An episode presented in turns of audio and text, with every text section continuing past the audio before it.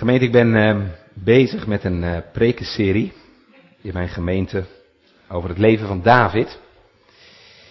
En ik wil ook vanavond bij een uh, bekend gedeelte uit Davids leven stilstaan. Strijd met Goliath, ik heb daar een aantal keer over gepreekt. Um, dat kan ik natuurlijk allemaal niet herhalen. Wij gaan vanavond met name stilstaan bij het laatste stukje van 1 Samuel 17, het laatste gedeelte van het gevecht met Goliath. Dus we vallen een beetje ja, midden in het verhaal. Ik hoop dat u me dat vergeeft. U kent de geschiedenis natuurlijk, is bekend. Um, wij beginnen te lezen in 1 Samuel 17 bij vers 40. David is net bij Saul geweest. De Saul heeft hem dat uh, harnas aangeboden, maar David zegt dat dat kan ik helemaal niet aan, dat pas ik niet. Um, hij legt het weer neer, hij geeft het weer terug. En dan um, lezen wij verder in vers 40. Hij, dat is David, nam zijn staf in zijn hand, koos voor zich vijf gladde stenen uit de beek en legde ze in de herderstas die hij had, te weten in de zak, en zijn slinger was in zijn hand. Zo naderde hij tot de Filistijn. De Filistijn kwam gaandeweg dichter bij David. En de man die zijn schild droeg, liep voor hem uit. Toen de Filistijn opkeek en David zag, verachtte hij hem. Want hij was nog maar een jongen, 17, 18 jaar. Rossig en knap van uiterlijk. Filistijn zei tegen David, ben ik een hond dat je met stokken naar mij toe komt? En de Filistijnen vervloekten David bij zijn goden. Daarna zei de Filistijn tegen David, kom naar me toe. Dan zal ik je vlees aan de vogels in de lucht geven en aan de dieren op het veld. Maar David zei tot de Filistijn, u komt naar mij toe met een zwaard, met een speer en met een werpspies. Maar ik kom naar u toe in de naam van de Heer van de legermachten, de God van de gelederen van Israël, die u gehoond hebt. Op deze dag zal de Heere u in mijn hand overleveren. Ik zal u verslaan en uw hoofd van u wegnemen. Ik zal deze dag de dode lichamen van het leger van de Filistijnen aan de vogels in de lucht geven en aan de dieren van de aarde. En heel de aarde zal weten dat Israël een God heeft. En deze hele gemeente, deze hele vergadering, zowel Filistijnen als Israëlieten, zal weten dat de Heere niet door zwaard of door speer verlost, want de strijd is van de Heere. Hij zal u in onze hand geven. En het gebeurde toen de Filistijn opstond en naar voren kwam, David tegemoet, dat David snel naar de gevechtslinie liep, de Filistijn tegemoet.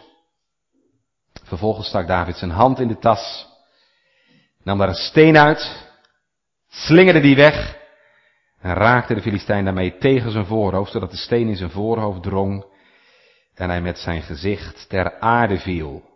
Zo overwon David de Filistijn met een slinger en met een steen. Hij versloeg de Filistijn en doodde hem, maar een zwaard had David niet in zijn hand. Daarom snelde David naar voren en ging bij de Filistijn staan. Nam diens zwaard, trok het uit zijn schede, doodde hem en hij hakte zijn hoofd ermee af. De Filistijnen zagen dat hun held dood was, vluchtten zij.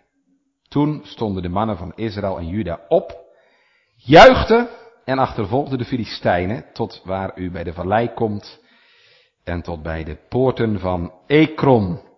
Filistijnen vielen dodelijk gewond op de weg van Saaraim tot aan Gat en tot aan Ekron. Daarna keerden de Israëlieten terug van de felle achtervolging van de Filistijnen en zij plunderden hun legerkampen. David nam het hoofd van de Filistijnen en bracht het naar Jeruzalem, maar diens wapens legde hij in zijn tent tot zo ver. Gemeente duurt nog even, een week of twee, maar dan staan wij weer stil bij hervormingsdag.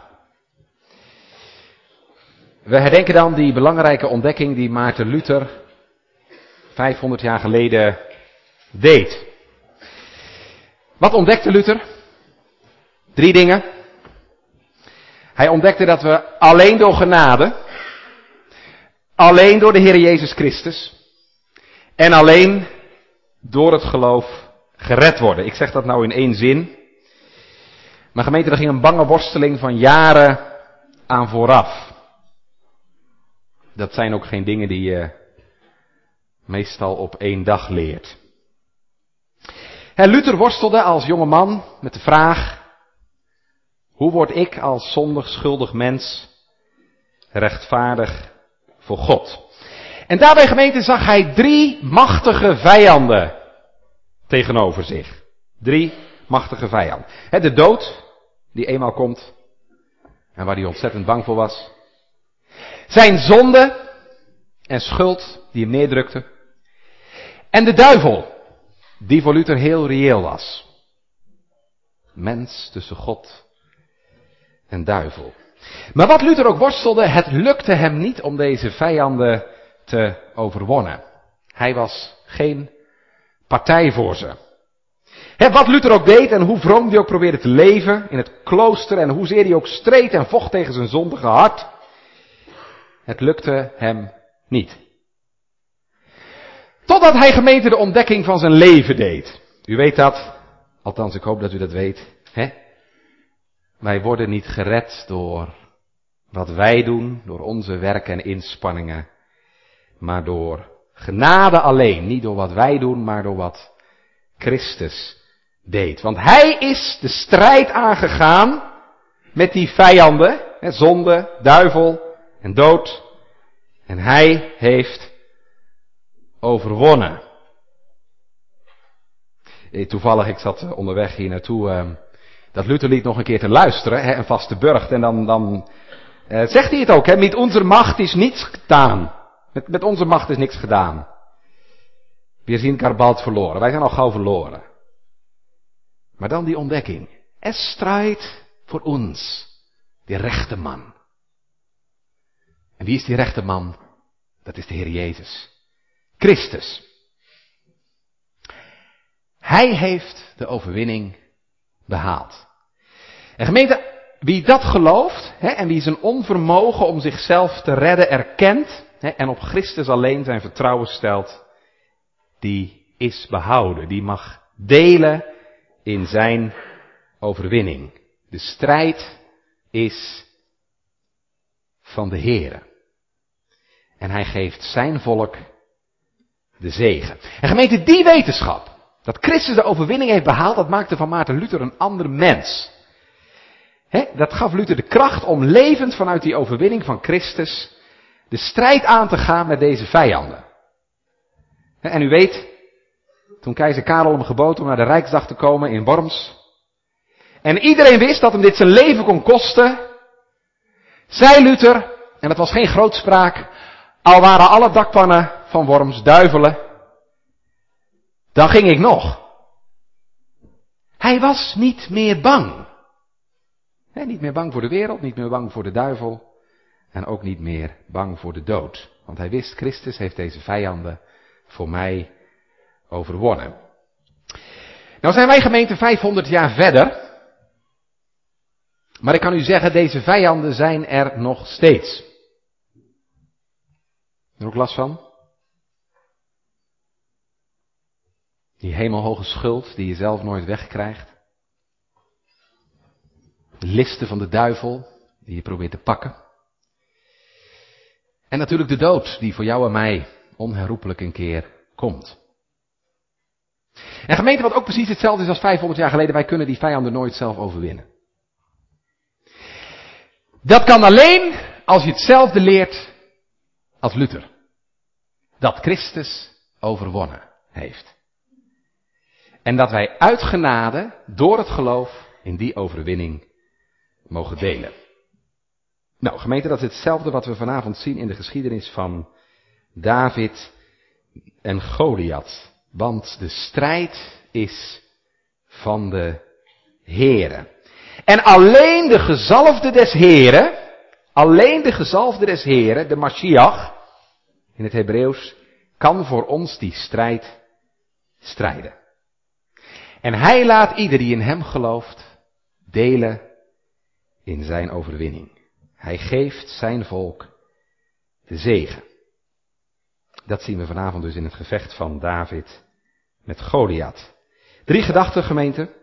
We staan stil bij hoe David overwon, hoe Christus overwon en hoe wij kunnen overwinnen. Hoe David overwon, hoe Christus overwon en hoe wij kunnen overwinnen. Eindelijk is het zover.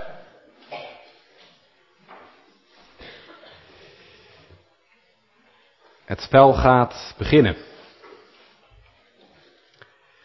Het spel tussen de kat en de muis.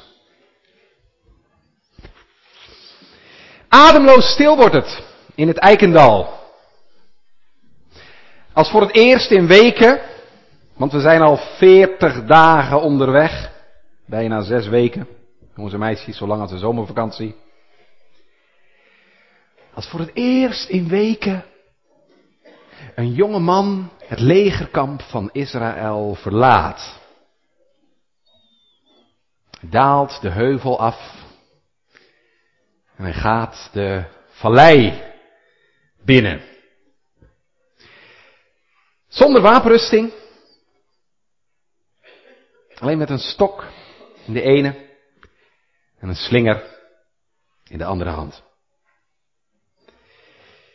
En je, je ziet de mensen hun adem inhouden. Want hoe gaat dit aflopen? En wat gaat er gebeuren? Ik denk dat veel Israëlieten gemeenten ongetwijfeld diep onder de indruk zijn hè, van de moed van deze jongen, 17, 18 jaar. Maar ongetwijfeld ook vast vol spanning. Want hoe loopt dit af? Als je het nuchter bekijkt, weet je dat deze jongen zijn ondergang tegemoet gaat. Geen schijn van kans tegen deze vechtmachine die Goliath heet. Met ingehouden adem zien ze hem gaan. Hij stopt onderweg even. Zien hem wat zoeken in een beekje. En dan gaat hij weer verder. Let erop gemeente, hun lot hangt af van hem. Ja? Hun lot hangt af van hem. En wat David doet, bepaalt straks hun toekomst. De dood een slavenbestaan of, wie zal het zeggen, vrijheid. Hun lot hangt af van hem. Ja, aan de andere kant van de vallei zien ze natuurlijk ook dat er iemand aankomt. Goliath komt in beweging. We lezen vers 41, de Filistijn kwam gaandeweg dichter bij David en de man die zijn schild droeg, liep voor hem uit. Laten we even kijken naar Goliaths reactie. Als hij David aan ziet komen. Let eerst even gemeente op wat hij ziet. Goliath. Nou, dat is niet bepaald indrukwekkend. Ja, maar we lezen vers 42 toen de Filistijn opkeek en David zag, zag, keek, veracht hij hem. Want hij was nog maar een jongen, rossig en knap van uiterlijk. Even tussen haakjes, herkent u die woorden? Het zijn bijna dezelfde woorden, gemeente, die je het hoofdstuk hiervoor, in hoofdstuk 16, tegenkomt. Toen Samuel naar het huis van Isaïe ging om daar een van zijn zonen te zalven. Daar lazen we dat ook in uh, vers 12. Ik lees het even voor. Hij was rossig, had mooie ogen en was knap om te zien. Knap, maar ongeschikt, want veel te jong. Maar de Heere zei, de mens ziet aan wat voor ogen is. En gemeente, dat zien we steeds weer gebeuren in het leven van David. He, Isaïe, vader Isaïe vond hem niet goed genoeg. Blijf maar op het veld met de schapen. Broer Eliab zette hem weg. Toen hij naar het legerkamp kwam.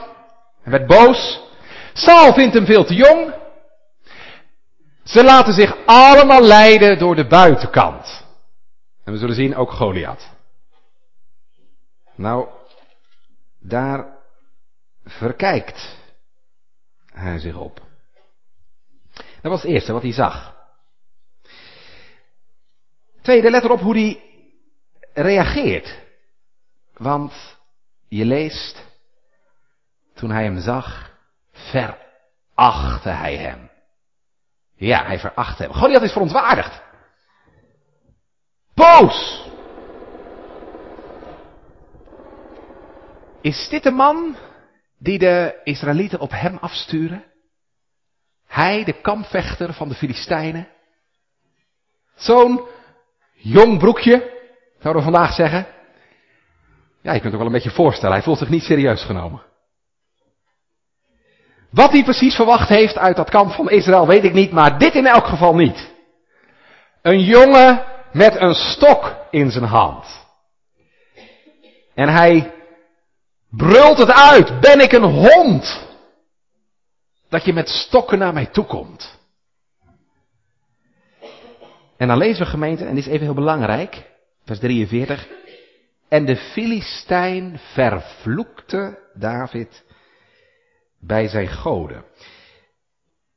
Want daar zien we aan, en dat is het derde wat ik ervan wil zeggen, daar zien we aan waar Goliath op vertrouwt. Hij roept de naam van zijn goden aan, opdat zij hem zullen helpen om dit onderkruipsel te vernietigen. Wie zijn die goden? Nou, in elk geval natuurlijk Dagon, de god van de Filistijnen.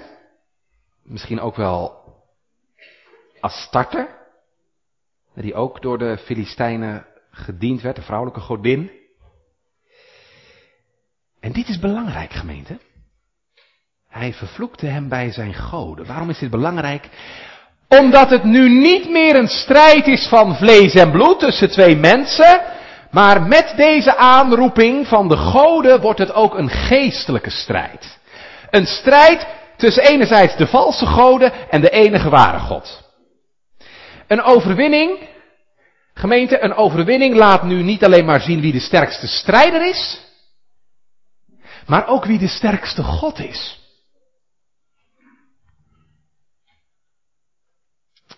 Wat hij ziet, hoe hij reageert, waar hij op vertrouwt. Let in de vierde plaats gemeente even ook nog op zijn dreigement. Vers 44, het dreigement waarmee hij David bedreigt. Kom naar me toe!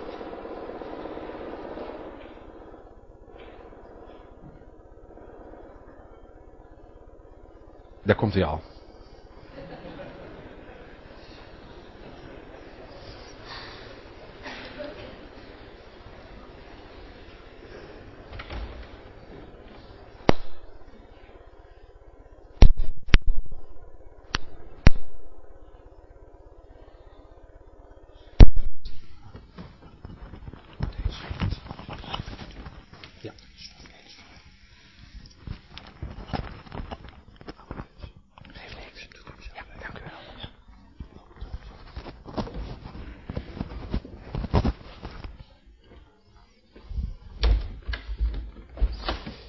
zegen dat er microfoons zijn.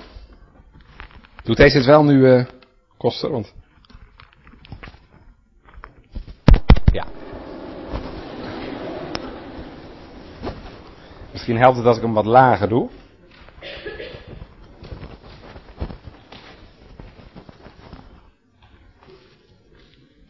We blijven het gewoon proberen.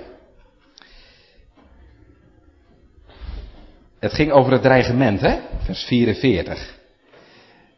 Kom naar me toe, dan zal ik je vlees aan de vogels in de lucht geven en aan de dieren van het veld. Goliath dreigt hem dus met de dood. En dan moeten we nou even goed opletten. Want de woorden die hij daarbij gebruikt, hè, dat je tot aas gemaakt wordt voor de vogels, voor de dieren, Dat is namelijk precies hetzelfde waar God Israël voor waarschuwde als zij hem zouden verlaten en ongehoorzaam zouden zijn. Um, je leest dat bijvoorbeeld in Deuteronomium 28, hè, dat de Heere Israël met dat oordeel bedreigt. Ik lees dat even voor. Uw dode lichaam zal aan alle gevogelte van het hemel en aan de beesten der aarde tot spijze zijn. En dan is het dus een oordeel waar God Israël mee dreigt. Als je mij verlaat, zegt de Heer, dan zal dat het resultaat zijn. Dat ik je vlees aan de vogels van de hemel ten voedsel geef. En u weet, dat is uiteindelijk ook gebeurd. Hè? Toen uh, Israël in ballingschap kwam. Hè? Toen de Babyloniërs de stad en de tempel hebben verwoest. Wat lees je dan in Psalm 79? Zij hebben de dode lichamen van uw knechten aan het gevogelte des hemels ten spijs gegeven. Het vlees van uw gunstgenoten aan het gedierte van het land. Ik vertel u dat even, omdat dat de woorden van Goliath in een ander licht plaatst. Waar Goliath David mee dreigt, is precies het oordeel waar God Israël mee dreigde als ze de heren ongehoorzaam zouden zijn. En gemeente, dat is precies wat er aan de hand is. Saul is inmiddels een ongehoorzame koning. En het volk Israël is een ongehoorzaam volk. Kijk maar terug, twee hoofdstukken terug. 1 Samuel 15, hè? Toen ze Amalek moesten verslaan. Maar niet deden wat de Heer zei. Dus ik bedoel even gemeente. Waar Goliath hiermee dreigt. Dat is precies wat Israël verdiend heeft. Zij hebben het verdiend dat de Heer hen oordeelt. Zij hebben het verdiend dat deze reus hen overwint en het oordeel aan hen voltrekt. En we zullen zien vanavond, de enige reden dat dat niet gebeurt, is omdat God voor een koning heeft gezorgd. Omdat God voor een gezalfde heeft gezorgd, een Mashiach, die in hun plaats de strijd zal voeren. Hou dat even vast, want ik kom daar straks nog op terug. Hè? Dus het oordeel waar, David, waar Goliath David mee bedreigt, dat hebben ze verdiend. Dat heeft heel Israël verdiend. En het is alleen maar omdat God voor een koning zorgt, een gezalfde, dat ze dit oordeel ontlopen. Ja, hoe reageert uh, David nu op deze bedreiging van Goliath? Kijk even mee. Ik doe deze even af, want dit zit niet zo handig.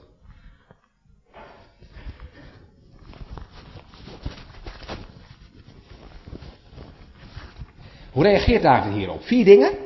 Hij uh, doet een beleidenis, hij spreekt een aanklacht uit, hij doet een aankondiging en hij vertelt Goliath wat het doel is van dit alles. Um, kijk in de eerste plaats gemeente naar die geweldige beleidenis die David uitspreekt. Dan gaan we even naar vers 45.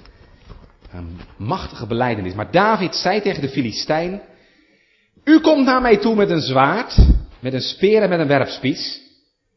Maar ik kom naar u toe in de naam van de Heer van de legermachten, de God van de gelederen van Israël, die u gehoond hebt. Hoor je het? De God van de gelederen van Israël. Dat is de God die ooit Israël verlost heeft van de farao. Het allermachtigste rijk van die dagen. Dat is de God die eens voor Israël de Canaanieten verdreven heeft uit het land. Dat is de God die nog maar twee hoofdstukken terug Amalek verslagen heeft. En die God Goliath, die heb jij gehoond. Dat is Davids aanklacht. Die God heb jij gehoond. En Goliath, daarmee heb je je doodvonnis getekend. Want dat kan God niet over zijn kant laten gaan. Er is geen toekomst voor mensen die de levende God uitdagen. En ik zou zeggen, gemeente, laten we dat vooral ter harte nemen. Er is geen toekomst voor mensen die de levende God uitdagen.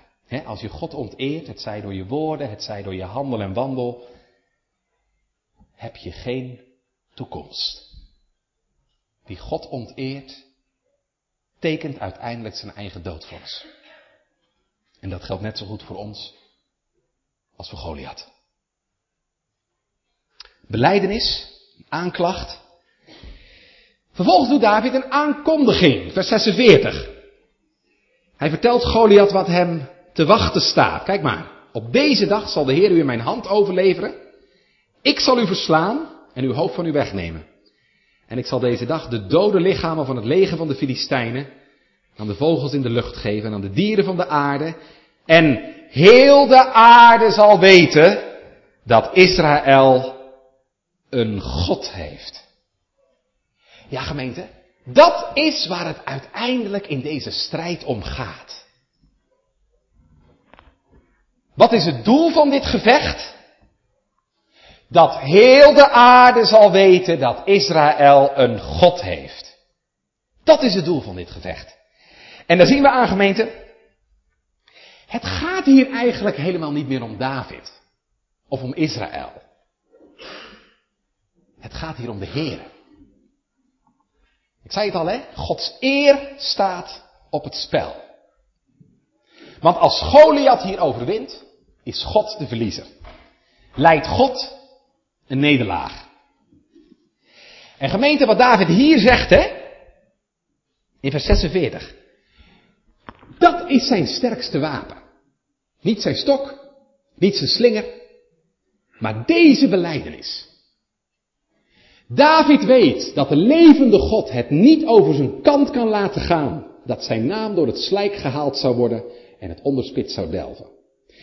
En vanaf dit moment, gemeente, is het niet meer Davids strijd, maar is het Gods strijd.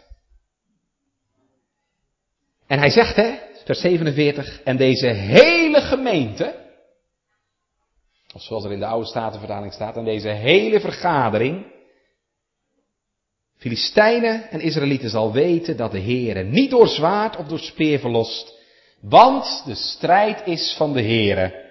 Hij zal u in onze hand geven. Ja, en dat is het moment dat David in actie komt. Gebeurt eigenlijk heel snel, hè? Als je dit hoofdstuk leest, dan hebben we 47 versen lang worden we in spanning gehouden. 47 versen lang wordt de spanning opgebouwd. Maar als het dan zover is, gaat het heel snel. Goliath komt in beweging. Kant van David op. David loopt naar hem toe. Een greep in zijn herderstas. Pakt een steen. Stopt hem in zijn slinger. Doet wat hij al duizenden keren gedaan heeft. Draait de slinger boven zijn hoofd. En met een verwoestende uithaal slingert hij de steen naar de reus. slingert God de steen naar de reus. En treft hem op dat ene plekje waar geen bescherming zit. Dit kleine stukje. Tussen zijn ogen en zijn helm. Op zijn voorhoofd. Steen dringt met misschien wel meer dan 200 km per uur zijn hoofd binnen. En het brein dat nog in volle actie is hoe die deze tegenstander vernietigen zou, stopt acuut. Het zenuwstelsel wordt niet meer gecoördineerd. Reus wankelt. En met een dreun valt die berg vlees en staal op de grond. Let erop. Let erop, vers 49. En hij viel met zijn gezicht ter aarde.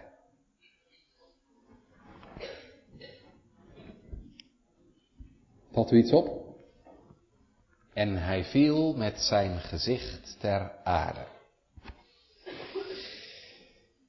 Kent u nog iemand in 1 Samuel die met zijn gezicht ter aarde valt?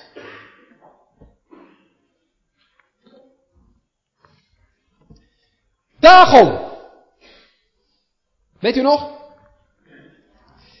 de ark van de Here in de tempel van Dagon kwam, viel Dagon op de grond. Goliath heeft Dagon aangeroepen en krijgt dus ook hetzelfde lot als Dagon. Hij valt op de grond met zijn gezicht ter aarde. Alsof hij de levende God, nog in zijn dood moet aanbidden. En hij is niet meer. Nou ja, de vervolg is bekend hè. Als David dan de reus met zijn eigen zwaard onthoofd heeft, raken de Filistijnen zo in paniek door dit verlies, dat ze allemaal op de vlucht slaan. En achtervolgd door de Israëlieten, leiden ze die dag een verpletterende nederlaag. Strijd is gestreden, de reus verslagen en de overwinning behaald.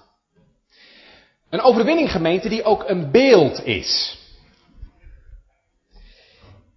Een beeld van een veel grotere overwinning. En dat is de overwinning van de Heere Jezus Christus. Ik zei al, dat is onze tweede gedachte. We hebben gekeken hoe David overwon. Kijken we in de tweede plaats hoe Christus overwon. Want gemeente, dat is heel belangrijk als je het verhaal van David leest. Hè, dat is niet maar een verhaal wat op zichzelf staat. Um, dit verhaal, en ik denk dat het ook de reden is dat, er, ja, dat de schrijver van Samuel er zoveel aandacht voor vraagt. Hè, dit is het langste hoofdstuk in het hele boek. Dit verhaal is eigenlijk niets anders dan het evangelie in een oud-testamentische vorm. Deze geschiedenis, daar ben ik diep van overtuigd, wijst heen gemeente naar de overwinning van Davids grote zoon, Jezus Christus. Hè? De weg, dat weet u, de weg van David is een voorbode van de weg van de Heer Jezus. Hè? Een weg door lijden, pijn, strijd en beproeving heen, voordat hij de troon bereikt. Het is dezelfde weg die Christus, de zoon van David, bewandelt. Maar ook deze overwinning van David staat beeld voor een veel grotere overwinning.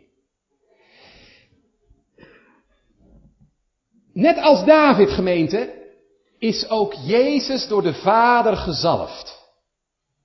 Met de geest des Heren. En kan hij zeggen, de geest des Heren, Heren is op mij. En dat betekent gemeente, want dat geldt voor alle gezalfden des Heren, net als David wordt ook Jezus beproefd.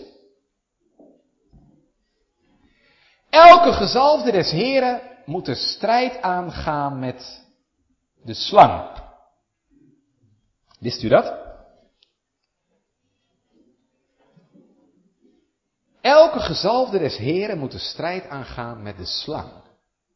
Adam al in het paradijs liep letterlijk de slang tegen het lijf. Maar ook Sal, hij is nog maar net gezalfd in 1 Samuel 10 en wat lezen we dan in 1 Samuel 11? Hij moet de strijd aanbinden met koning Nahas van de Ammonieten. Nahas. Betekent letterlijk slang, koning slang.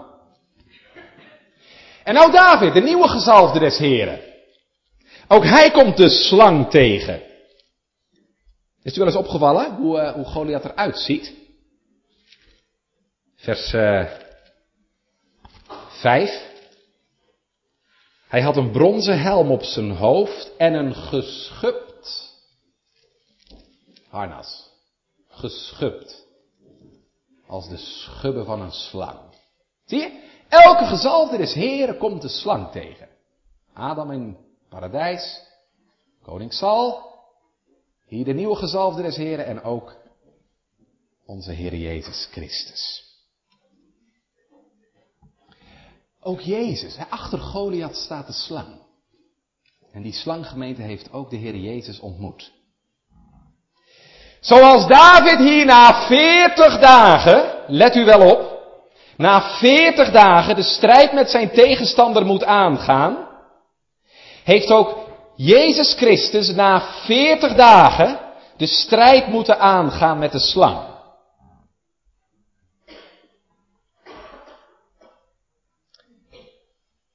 Want als je gezalfd bent, word je beproefd. Maar gemeente, wat heeft ook hij, net als David, die beproeving glansrijk doorstaan? He, met alleen het woord van God als wapen heeft hij zijn tegenstander gevloerd. En gemeente, u weet, dat was niet de enige reus waar de Heer Jezus het mee te stellen had. Er waren er in zijn leven nog veel meer. Zal ik er een paar noemen? Een paar van die reuzen die Jezus tegenkwam en waar hij mee vechten moest. Daar heb je de dood. De vijand die elk mens eens tegenkomt. Ook Jezus is hem tegengekomen. En gemeente, wat heeft hij daar een intense strijd mee gestreden? Toen hij het uitriep, mijn ziel is geheel bedroefd tot de dood toe. Daar was in de tweede plaats de wet van God, die volmaakte gehoorzaamheid eist. De wet van God die jou en mij aanklaagt, omdat je tegen al Gods geboden gezondigd hebt en geen daarvan gehouden hebt. Wat een reus, wat een vijand. De wet die leven belooft voor iedereen die hem houdt. Maar die straf eist voor wie hem overtreedt. Vervloekt is een ieder die niet blijft. In alles wat geschreven is in het boek der wet om dat te doen. Die reus is Jezus ook tegengekomen. Maar gemeente, hij heeft al deze reuzen overwonnen. De duivel. De duivel overwonnen. En zijn eerste nederlaag was in de woestijn. En zijn definitieve nederlaag aan het kruis. Waar Christus hem de kop vermorzelde.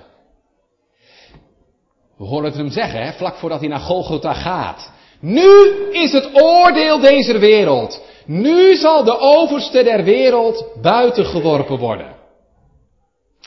En de Heer Jezus vergelijkt die duivelgemeente met een sterk gewapende man. Zie je het voor je? Sterk gewapende man die waakt over zijn spullen. Maar Jezus is het huis van die sterk gewapende binnengegaan. Heeft hem overmeesterd.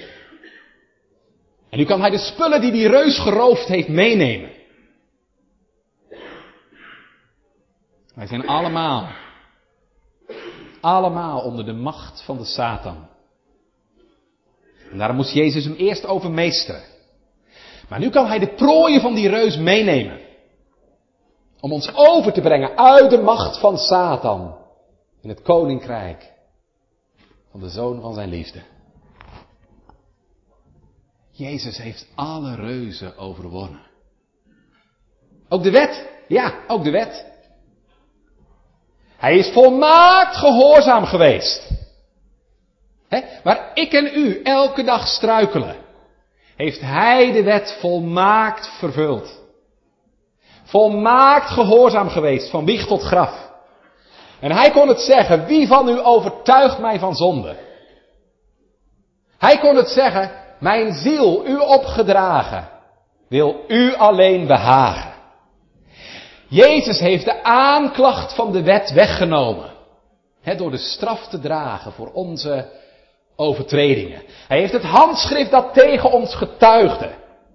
Weggenomen door het aan het kruis te nagelen. Hij heeft de vloek van de wet weggenomen. Door een vloek te worden. En de straf op de zonde op zich te nemen. En zo heeft hij deze reus gevloerd. Zo heeft hij de aanklacht van de wet tot zwijgen gebracht. De duivel, de wet, ook de dood. Ja, Jezus heeft de dood gedood. Net zoals Goliath met zijn eigen wapens gedood werd, zo heeft ook Jezus de dood met zijn eigen wapen gedood. Hoe dan? Hij heeft de dood gedood gemeente door zelf te sterven. er is een boek van de Engelse dominee John Owen. Prachtige titel, The Death of Death. In the Death of Christ. De dood is gedood door de dood van Christus. Waarom? Ja, Paulus legt dat zo mooi uit in 1 Korinthe 15. Wat maakt de dood nou eigenlijk zo moeilijk? Gemeente, dat is niet per se het sterven op zich. Nee, wat de dood zo moeilijk maakt, is dat wij zondaren zijn. Die gezondigd hebben. En daarom is de dood niet het einde, maar is de dood, als God het niet verhoedt, het begin van je eeuwige oordeel. Dus wat de dood zo moeilijk maakt, zijn onze zonden. En hoe komt het dat die zonden zo erg zijn? Paulus zegt in 1 Korinthe 15, de kracht van de zonde is de wet. Kijk, zou er geen wet zijn, dan zou het natuurlijk niet zo'n probleem zijn dat je gezondigd hebt. Want zonder wet is er ook geen aanklacht. En zonder aanklacht kun je niet veroordeeld worden. Maar er is een wet. En wij hebben die wet overtreden door onze zonde. En dat maakt de dood zo afschuwelijk. Maar nu het wonder. Christus heeft de wet vervuld, ik zei het net. Christus heeft de straf gedragen. En Christus heeft de dood gedood. En Christus heeft de duivel verslagen. En u snapt, althans ik hoop dat u dat snapt. Als de wet is vervuld, ja, en de straf is gedragen, dan kan de wet niets meer zeggen. Dan kan de dood je niet meer schaden en heeft de Satan geen recht meer op je. En daarom mag ik vanavond zeggen, meer dan David is hier. Hij heeft alle reuzen overwonnen. Net als David is Christus gekomen in de naam des Heren. En hij heeft het gezegd en hij heeft het uitgeroepen. Gij komt tot mij met zonde, met wet en met dood, met leugen en met dreiging, met schaamte en met schuld. Ik kom in de naam van de levende God. En zo is hij heel alleen, net als David, deze strijd aangegaan. De strijd die niemand voeren kan. Waar net als Israël niemand toe in staat was en niemand toe bekwaam was. Zie hem gaan? Heel alleen in de hof. Kunt gij niet één uur met mij waken? Heel alleen in de hof. Waar de vloek van de wet op hem afkomt. En de drinkbeker van Gods toorn hem aangereikt wordt. Heel alleen naar het kruis. Waar de hel en de demonen hem opwachten. Heel alleen het graf in. Om de dood te ontmoeten en te ontmaskeren. En heel alleen heeft hij het uitgeroepen. Het is volbracht. Ziet u het? Eén voor allen. Net als David. Eén voor allen.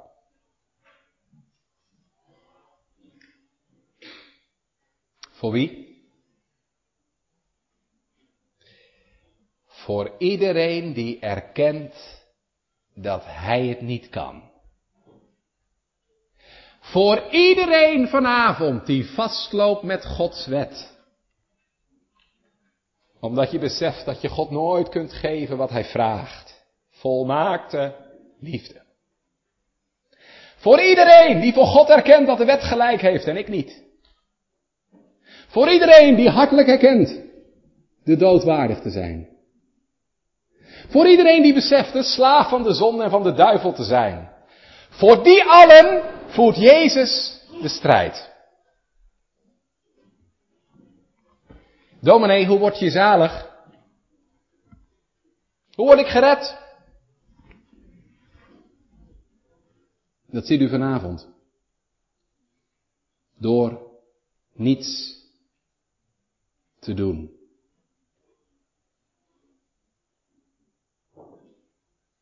Ik zeg het nog een keer. Door niets te doen. Althans, door Jezus te laten doen wat jij nooit kunt. Ja, maar dat is makkelijk. Denk je? Het is ook makkelijk. Er is niks makkelijker dan zalig worden gemeente. Maar het is zo moeilijk omdat het zo makkelijk is. Want weet je wat wij doen? Wij proberen het zelf. Wij gaan zelf het gevecht aan met de reuzen.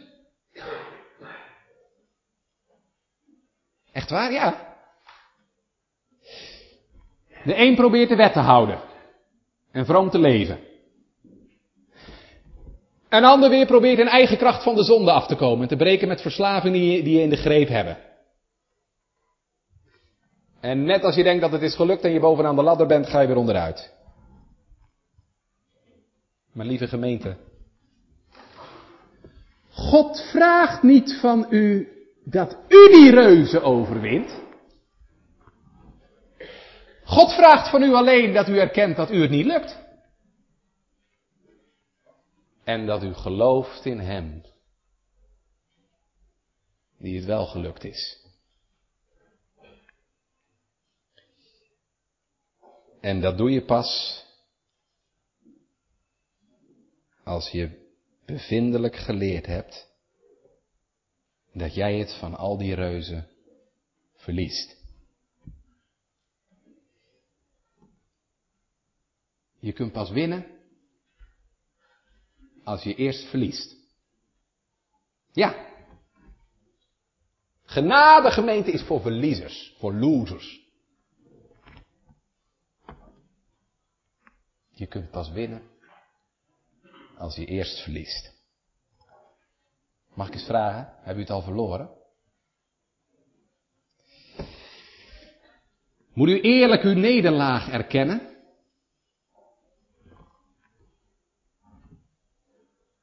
Zie dan op Jezus. En laat je redden. U hoeft niets meer te doen. Want het is al gedaan.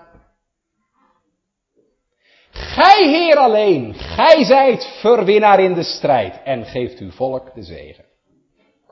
Zo eenvoudig is het. Hij heeft overwonnen en geeft zijn volk de zegen. Kijk naar Israël, wat doen ze? Ze staan erbij en ze kijken ernaar. Want David doet het de gezalfde des Heren. En zo is het nog gemeente. Hij doet het. De gezalfde des Heren, die komt in de naam des Heren. Hij voert de strijd. Hij haalt de overwinning.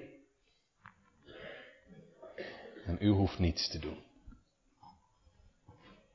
U hoeft alleen maar op Hem te zien. U hoeft alleen maar uzelf aan Hem toe te vertrouwen. En heel zijn overwinning is van u.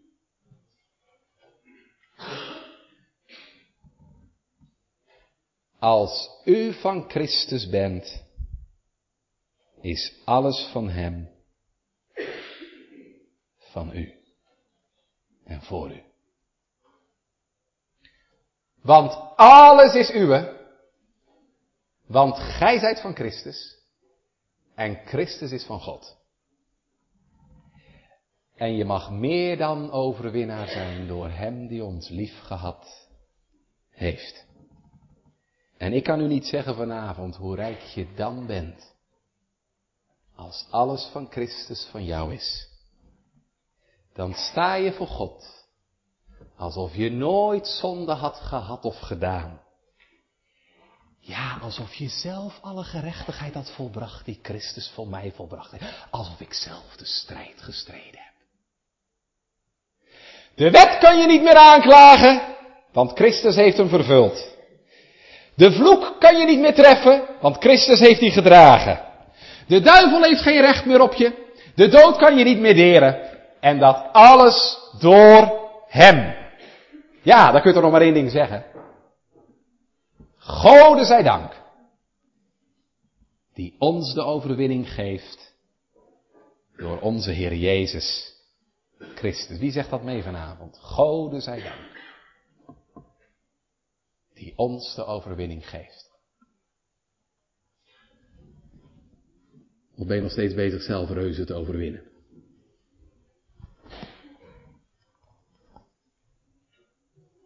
Oh, dan hoop ik dat je het goed verliest. Of misschien nog erger. Je hebt er niet eens last van. Nou, dan zou ik echt bidden dat God je ogen opent, want ze zijn er echt. En vroeg of laat sleuren ze je mee. Je ondergang tegemoet.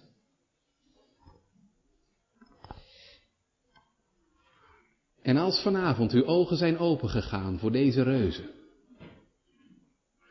En je probeert misschien wanhopig uit hun macht te komen. Stop er alsjeblieft mee.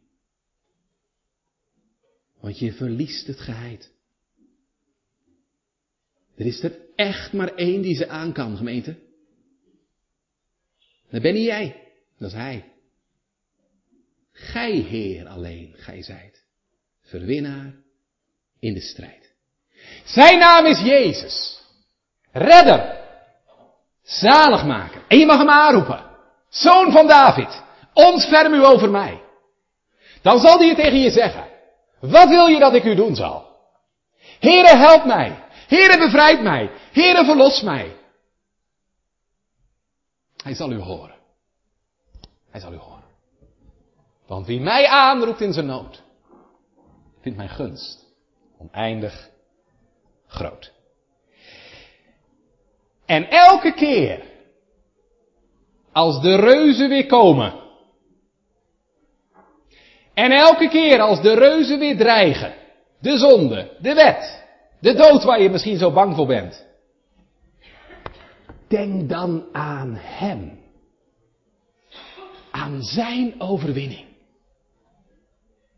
En zeg het dan maar, gij komt tot mij, met vloek en dood en dreiging. Ik kom in de naam van Hem die overwon. Ja, wij moeten strijden. Strijd om in te gaan. Een leven lang. Maar gemeente, het is wel een gewonnen strijd. We mogen strijden vanuit zijn overwinning. Het is eigenlijk net als met Israël. Als David Goliath verslagen heeft, gaan de Israëlieten strijden. Zij strijden vanuit de overwinning van de gezalfde des Heren. En zoals met een christen ook. Zijn overwinning is de basis van onze strijd. Je mag strijden. En wat is dat heerlijk. Wat is dat in diepste ontspannen gemeente. Je mag strijden. Vanuit zijn overwinning. En als je die strijd strijdt, let dan op drie dingen. Ten slotte gaan we eindigen. Let dan op drie dingen. Het eerste wat ik u mee wil geven, laat je niet imponeren door de reuzen. Want gemeentes doen zich altijd groter voor dan ze zijn. Ze doen namelijk net alsof ze nog niet verslagen zijn. en je hebt gezondigd, je bent gestruikeld. Dan klaagt de wet je weer aan. Alsof Christus niet genoeg gedaan heeft. De gemeente, wat kunnen ook kinderen van God geïmponeerd zijn door de dood? Ik heb Godvrezende mensen zien worstelen op hun sterfbed. Alsof Jezus niet overwonnen heeft. En daarom moet je telkens weer terug naar die overwinning van Christus. En Luther zou zeggen, dan moet je maar zeggen tegen de wet, ja wet, het is waar, ik heb gezondigd, je hebt gelijk. Maar mijn Heer Jezus Christus heeft de vloek gedragen. Ik luister niet meer naar jou, maar ik vlucht tot Hem. En als de angst voor de dood je achtervolgt, bedenk dan maar, de angel is eruit. De dood is al gestorven. Want Jezus heeft volkomen betaald. En de dood overwonnen. Dat is het eerste in je strijd. Laat je niet imponeren. Het tweede wat je nooit moet vergeten, vertrouw nooit op je eigen wapens. Maar vertrouw op de Heer. Want je bent veel te zwak om het zelf te kunnen. Maar een christen mag zeggen, maar gij, o Heer, mijn schild en wapen, schoon het onheil schijnt voor mij geschapen, zult mij doen zeker wonen, Heer. gij zijt voor mij een schild in al mijn nood. Vertrouw niet op je eigen wapens, maar vertrouw op de Heere. En gebruik de wapens die God je aanreikt voor de strijd. Paulus zou zeggen, draag de geestelijke wapenrusting. Hè? Je lendenen om God met de waarheid. Borstwapen van de gerechtigheid. Draag het schild van het geloof. Het zwaard van de geest, het welk is Gods woord. Want ik geloof gemeente, als je dat doet. Als je geworteld bent in de waarheid van God. Als je de gerechtigheid doet en betracht. Als je leeft door het geloof en het woord van God hanteert, zul je niet makkelijk vallen. Dan kun je weerstand bieden in de boze dag. En staande blijven.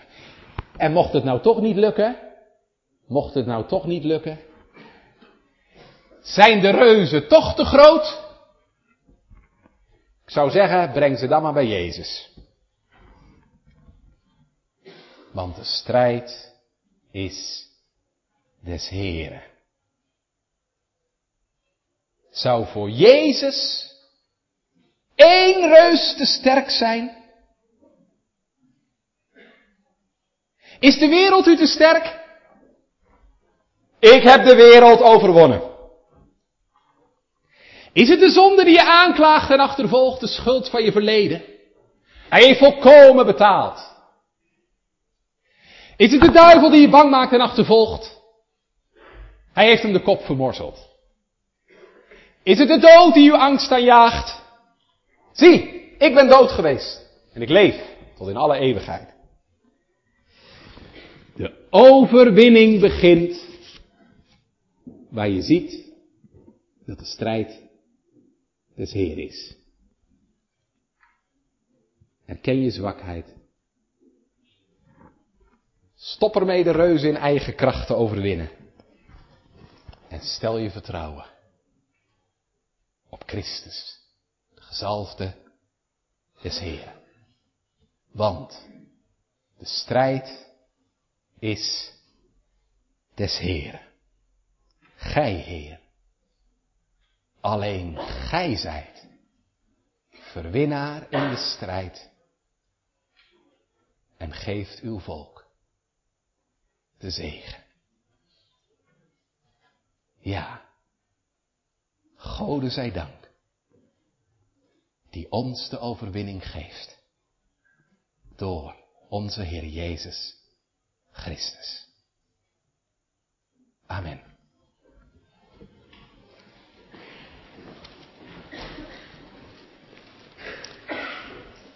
We zingen Psalm 56, vers 6.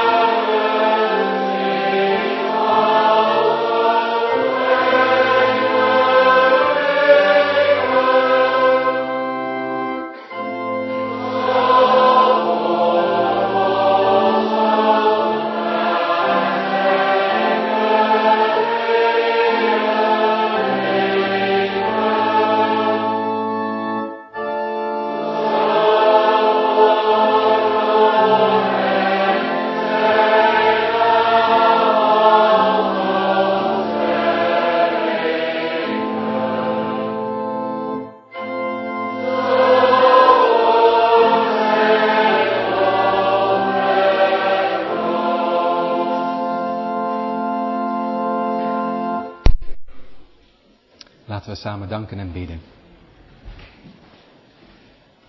Heren, wij danken u voor de verkondiging van uw woord. Wij danken u, o Vader, dat u een gezalfde hebt gezonden, die tegen al onze vijanden bestand was. Gezalfd en geheiligd door u, o Vader, in de wereld gezonden, om te doen wat wij nooit meer kunnen. Wij danken u, Heer Jezus, voor uw pijn, uw strijd, uw lijden, uw volharding. Dat gij alle vijanden hebt overwonnen. En dat u uit genade uw volk de zegen geeft. O God, wat is zalig worden eenvoudig. Als we het maar willen zien. En dat is zo vaak ons probleem, dat we het niet zien. Open onze ogen. Opdat we gaan zien dat de overwinning daar begint, ook in ons leven, waar we zien dat de strijd des Heer is. Dan mogen wij strijden. Dan moet het niet meer, maar dan mogen we strijden vanuit de overwinning van uw Zoon. En leer ons die goede strijd, want dan is het inderdaad een goede strijd te strijden. De wapenrusting des geloofs aan te nemen, om zo staande te blijven in deze boze dag. Want o God, wat is de wereld boos? En wat gaat de duivel rond? En wat zijn we in eigen kracht ontzettend zwak? Maar wat een heerlijk evangelie. Gij zijt voor mij een schild in al mijn nood. Heere, trek ons naar u toe. Doe ons schuilen achter dit schild, opdat wij niet verloren gaan. En Heere, als wij onze vijanden nog niet zien, open onze ogen en laat ons zien hoe machteloos wij zijn en hoe levensgevaarlijk onze situatie is. En als wij, heren, ze wel zien, maar nog krampachtig proberen in eigen kracht ze te overwinnen. Nederlaag op nederlaag leidend. O God, breng ons aan de grond. Breng ons daar waar we ons verlies moeten erkennen. Het van u verliezen, van onze vijanden.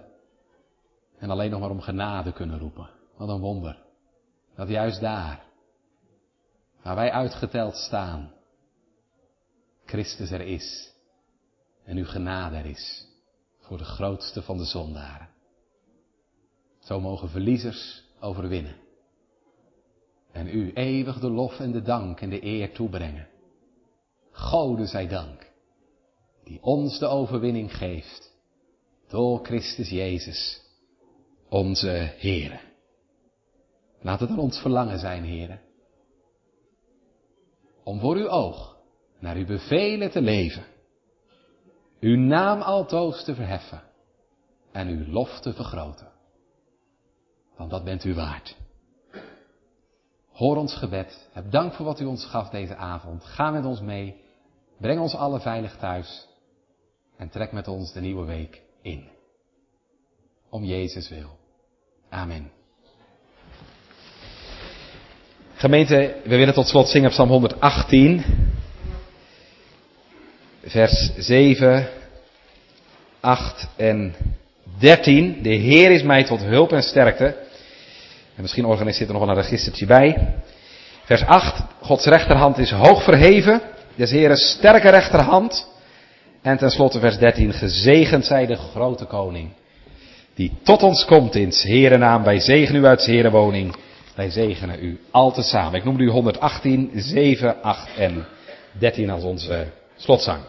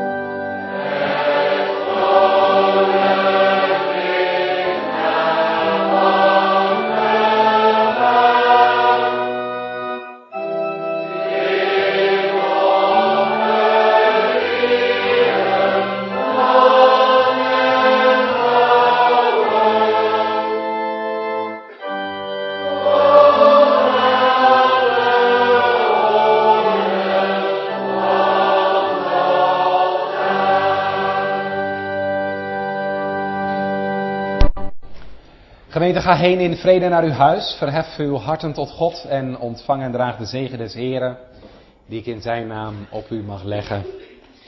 De Heere zegene u en hij behoede u. De Heere doe zijn aangezicht over u lichten en zij u genadig. De Heere verheffen zijn aangezicht over u en geven u zijn vrede. Amen.